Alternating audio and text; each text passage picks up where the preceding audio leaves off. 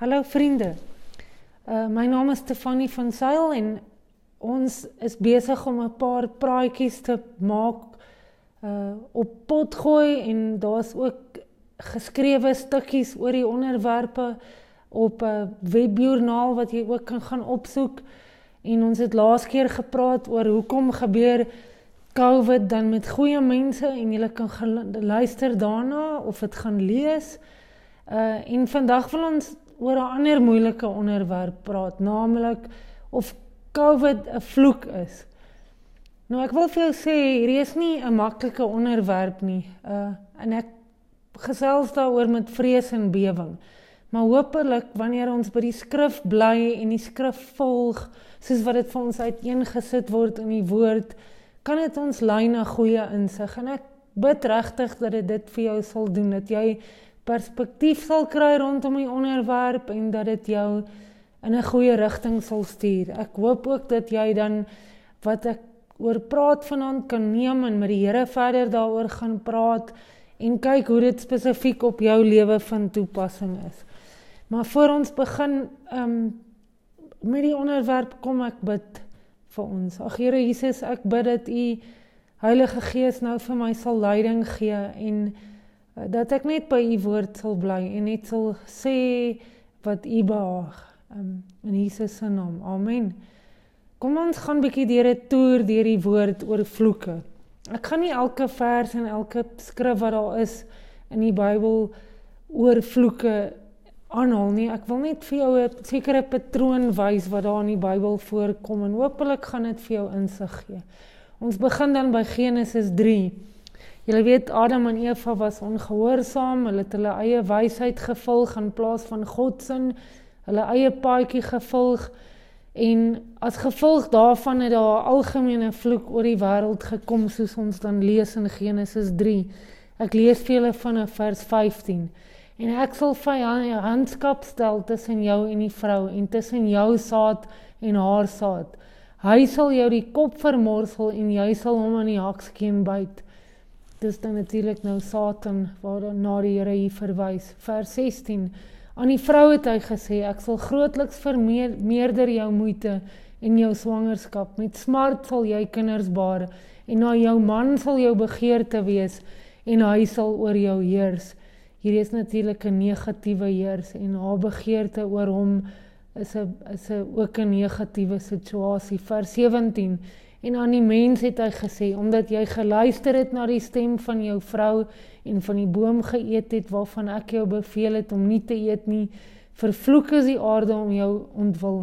Met moeite sal jy daarvan eet al die dae van jou lewe. Ook sal dit vir jou dorings en dussels voortbring en jy sal die plante van die veld eet. In die sweet van jou aangesig sal jy brood eet totdat jy terugkeer na die aarde, want daaruit is jy geneem want stof is jy en tot stof sal jy terugkeer. Nou hier word spesifieke dinge genoem wat moeilik sal wees vir die man en die vrou. Ehm um, maar dis ook 'n algemene vloek situasie. Alles wat die mensdom doen sal van van toe af moeilik gewees het. Wonings en werk en familie sal met moeite kom. Verhoudings sal sukkel. Alles is net plain opdrand. En dis hier direkte gevolg van Adam en Eva se ongehoorsaamheid. Maar dis ook God se direkte uitspraak, sy oordeel oor die mensdom as gevolg van ongehoorsaamheid. Die mens se liggaam is dan ook geaffekteer. Die lewe is verkort en die mens betree die dood, iets wat voor die sonneval nooit bestaan het nie. Die mens sou vir ewig voor die sonneval gebeur het saam met God wandel in die paradys ons kan ook sê ons lewens is eers opdrand met moeite terwyl ons lewe en dan afdrand na die graf. Is nie baie rooskleurig nie, is dit? Maar let nou op in vers 21 die oorweldigende genade uh, wat ons van die begin af in die woord ondervind. Ek lees vir jou vers 21. En die Here God het vir die mens en sy vrou rokke van vel gemaak en dit vir hulle aangetrek. Net so een kortstellingkie wat so verrykend is. Besef jy dat die rokke van vel dui op die offer wat gemaak word vir die sonde? Die Here neem die vel van die dier en bekleer die mens daarmee. Want bloed moes vloei vir die vergifnis van sonde en daarom dan die slag van die dier. Dit wys op die bloed van Christus wat gevloei het namens ons. En die is God se genade verbond wat dan soos 'n goue draadjie alreeds van Genesis begin deurloop. Sy belofte dat hy ten spyte van die mense sonde nie net sal omsien na sy algemene welsyn en sy spesifieke welsyn nie, maar hy sal ook sy sonde totaal bedek. Julle sien want Adam en Eva het self probeer verdedig, self probeer toesmeer en regmaak, maar hulle eie beskerming was eenvoudig net nie voldoende nie. Om die waarheid te sê, dit skiet ver te kort. En dit bring net nog verdere dood want dit is 'n lewe van toesmering en van selfhandhawing. Dis soos die lewe van 'n fariseer. Jy weet jy mag nooit wys jy is verkeerd nie. Jy mag nie aan iemand anders erken jy het 'n fout gemaak nie want dan val jou selfhandhaf kaarthuisie eenvoudig aan mekaar. Maar hoe genadig is God nie dat hy gee wat nodig is. Miskien staan jy vandag ook op 'n plek waar jy ook so 'n selfhandhaaf lewe probeer leef en dis besig om in mekaar te sak. My vriende, is genade as die Here dit vir jou uitwys. En Eksodus 20 word die kern van die 10 gebooie dan gegee en jy sal sien hier is 'n soortgelyke patroon. Die mens oortree gevolg op genade. Ek wil hê jy moet dit oplet want dit is nie oortreding en dan sê God maak reg nie. Nee, dit is oortreding en dan maak God reg namens ons met genade. So ek lees vir ons Eksodus 20 vanaf vers 2. Ek is die Here jou God wat jou uit, uit Egipte land, uit slawehuis uitgelei het. Kyk die genade, kyk hoe hy gered. Vers 3: Jy mag geen ander gode voor my aangesig hê nie. So die Here sê vir hulle as gevolg van die feit dat ek jou gered het en jou redder is en niks en niemand anders jou redder is nie, moet jy my aanbid. Vers 4: Jy mag vir jou geen gesneede beeld of enige gelykenis maak wat bo in die hemel of onder die aarde is of wat in die waters onder die aarde is nie. Jy mag vir jou voor hulle nie neerbuig nie en hulle nie dien nie want ek die Here is jou God 'n jaloerse God wat die misdaad van die vaders besoek aan die kinders en aan die derde en die vierde geslag van die wat my haat. En ek bewys barmhartigheid aan duisende van die wat my liefhet en my gebooie onderhou. So sien julle die patroon net soos in Genesis bring die Here die werke verband met ander woorde hy stel sy standaard En hy hier self sê hy van die begin af hy het hulle gered. Maar as gevolg van die sondeval sou die mens dit nie kon hou nie omdat hulle te vervalle is en en die wilskrag is net nie daar nie. Hulle het nie die wil om hulle eie afgoderry self te oorkom nie. So God spel dan ook uit in vers 5 wat die gevolge sal wees van die ongehoorsaamheid.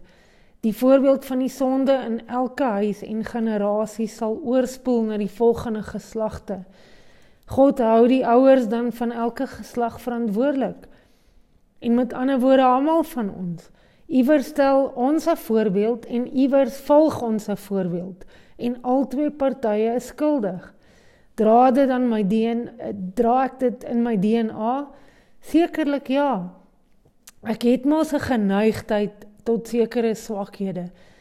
Ek is nie 'n biologiese kundige nie, maar as ek dood is in my sonde soos die woord vir my beskryf ek is, lees byvoorbeeld Efesiërs 2, dan moet dit so wees. Ons kan aanvaar dus dat sonde ook ons DNA beïnvloed want dit beïnvloed my hele menswees, alles van my. Maar hier kom die goeie nuus in vers 6. In teenstelling met die vloek in vers 5, 5 kom God in sy barmhartigheid en hy vergewe en gee nuwe lewe wat vir duisende geslagte sal duur in teenstelling met die sondevloed wat strek tot in die 4de geslag beloof hy. Die fokus van die stuk is dus op God se genade. Sien weer die patroon raak van ongehoorsaamheid wat die vloek veroorsaak en dan volg dit met genade wat absoluut alles oorskadu in hierdie stuk. Kom ons kyk Deuteronomium 28 waar ons die, dieselfde patroon sien.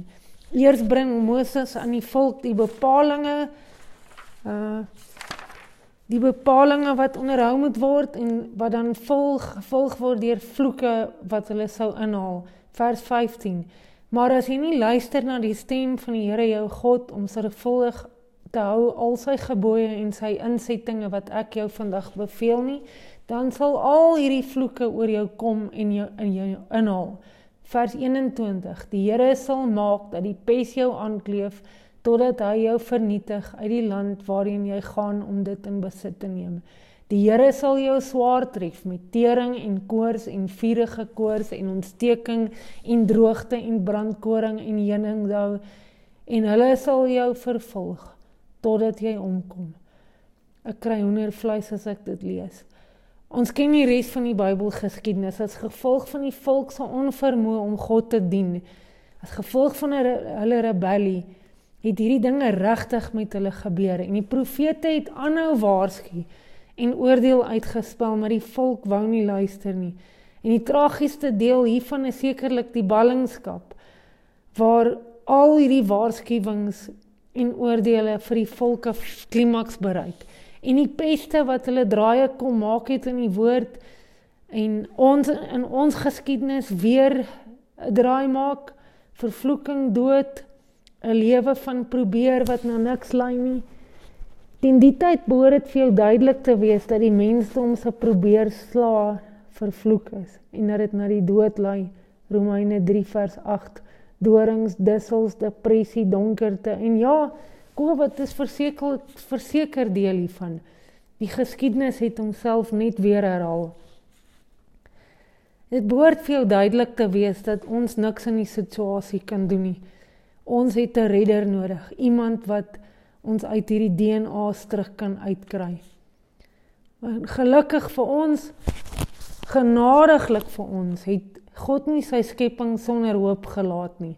Gedurig deur in die skrif is daar leidrade tot nuwe lewe. Maar wat sou dit wees?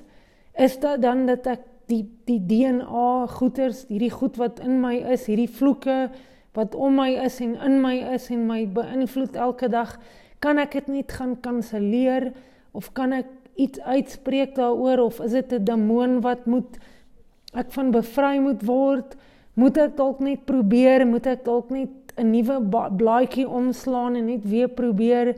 Kan ek dalk terapie kry daarvoor? Uh, ja moet ek repent? Ons verstaan almal repentance ook op verskillende maniere. Wat sal dit wees? Wat moet ek doen? My vriende, die straf is eenvoudig te groot en die strikke van die sonde net te diep gewortel en daar's niks wat ons daaraan kan doen nie. Ons skuld voor God moes deur 'n ander gedra word. Iemand moes die prys betaal. Iemand moes oor ons ontsettende wilskrag om agter ons eie begeertes aan te gaan oorwin sodat ons kan krag hê om iets daaraan te doen. Krag van van 'n ander, nie van onsself nie. Ek wil vir jou lees uit Galasiërs 3 vanaf vers 10. Want almal wat uit die werke van die wet is, is onder onder die vloek, want daar staan geskrywe: Vervloek is elkeen wat nie bly in alles wat geskryf is in die boek van die wet om dit te doen nie. En dat niemand deur die wet by God geregverdig word nie, is duidelik, want die regverdige sal uit die geloof lewe. Maar die wet is nie uit die geloof nie, maar die mens wat hierdie dinge doen, sal daardeur lewe. Christus het ons losgekoop van die vloek van die wet deur vir ons 'n vloek te word, want daar staan geskrywe: Vervloek is elkeen wat aan 'n hout hang, sodat die seun van Abraham na die heidene kan kom in Christus Jesus en dat ons die belofte van die Gees deur die geloof kan ontvang. My vriende, die goeie nuus is dat is indien ons ons vertroue in Christus plaas, wegstap van ons sonde en klou aan Christus, dan is ons losgekoop van die vloek. Ja, die ou mens is vry daarvan en ons is nuut in Christus. Het jy al oorgegee of probeer jy nog self regmaak? Dalk sê jy ja, jy het, jy het oorgegee, jy het op Christus vertrou, maar jy vra nog steeds As die vloek dan gebreek is, hoekom word ek as Christen nog siek of hoekom word die mense om my siek? Hoekom kry hulle COVID? Hoekom gaan daar van my vriende en my familie dood daarvan? Hoekom as die vloek gebreek is oor my, sukkel ek nog met soveel diep dinge in my lewe en hoekom voel dit net nie prakties asof ek vry is nie? Hierdie is onderwerpe wat ons in volgende episode sal bespreek, maar vir nou wil ek jou bemoedig dat daar 'n realiteit is dat die vloek namens ons gebreek is. Mag jy dit indrink. Jy is verlos van die straf van die sonde, die vloek, maar ook van die krag van die sonde, van vloeke wat so hou vas het oor jou.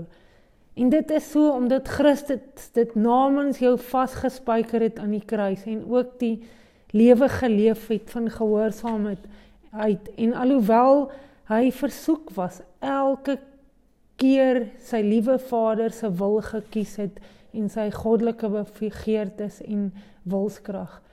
En nou kan ons in daai krag lewer, maar meer hieroor volgende keer. Seën vir jou.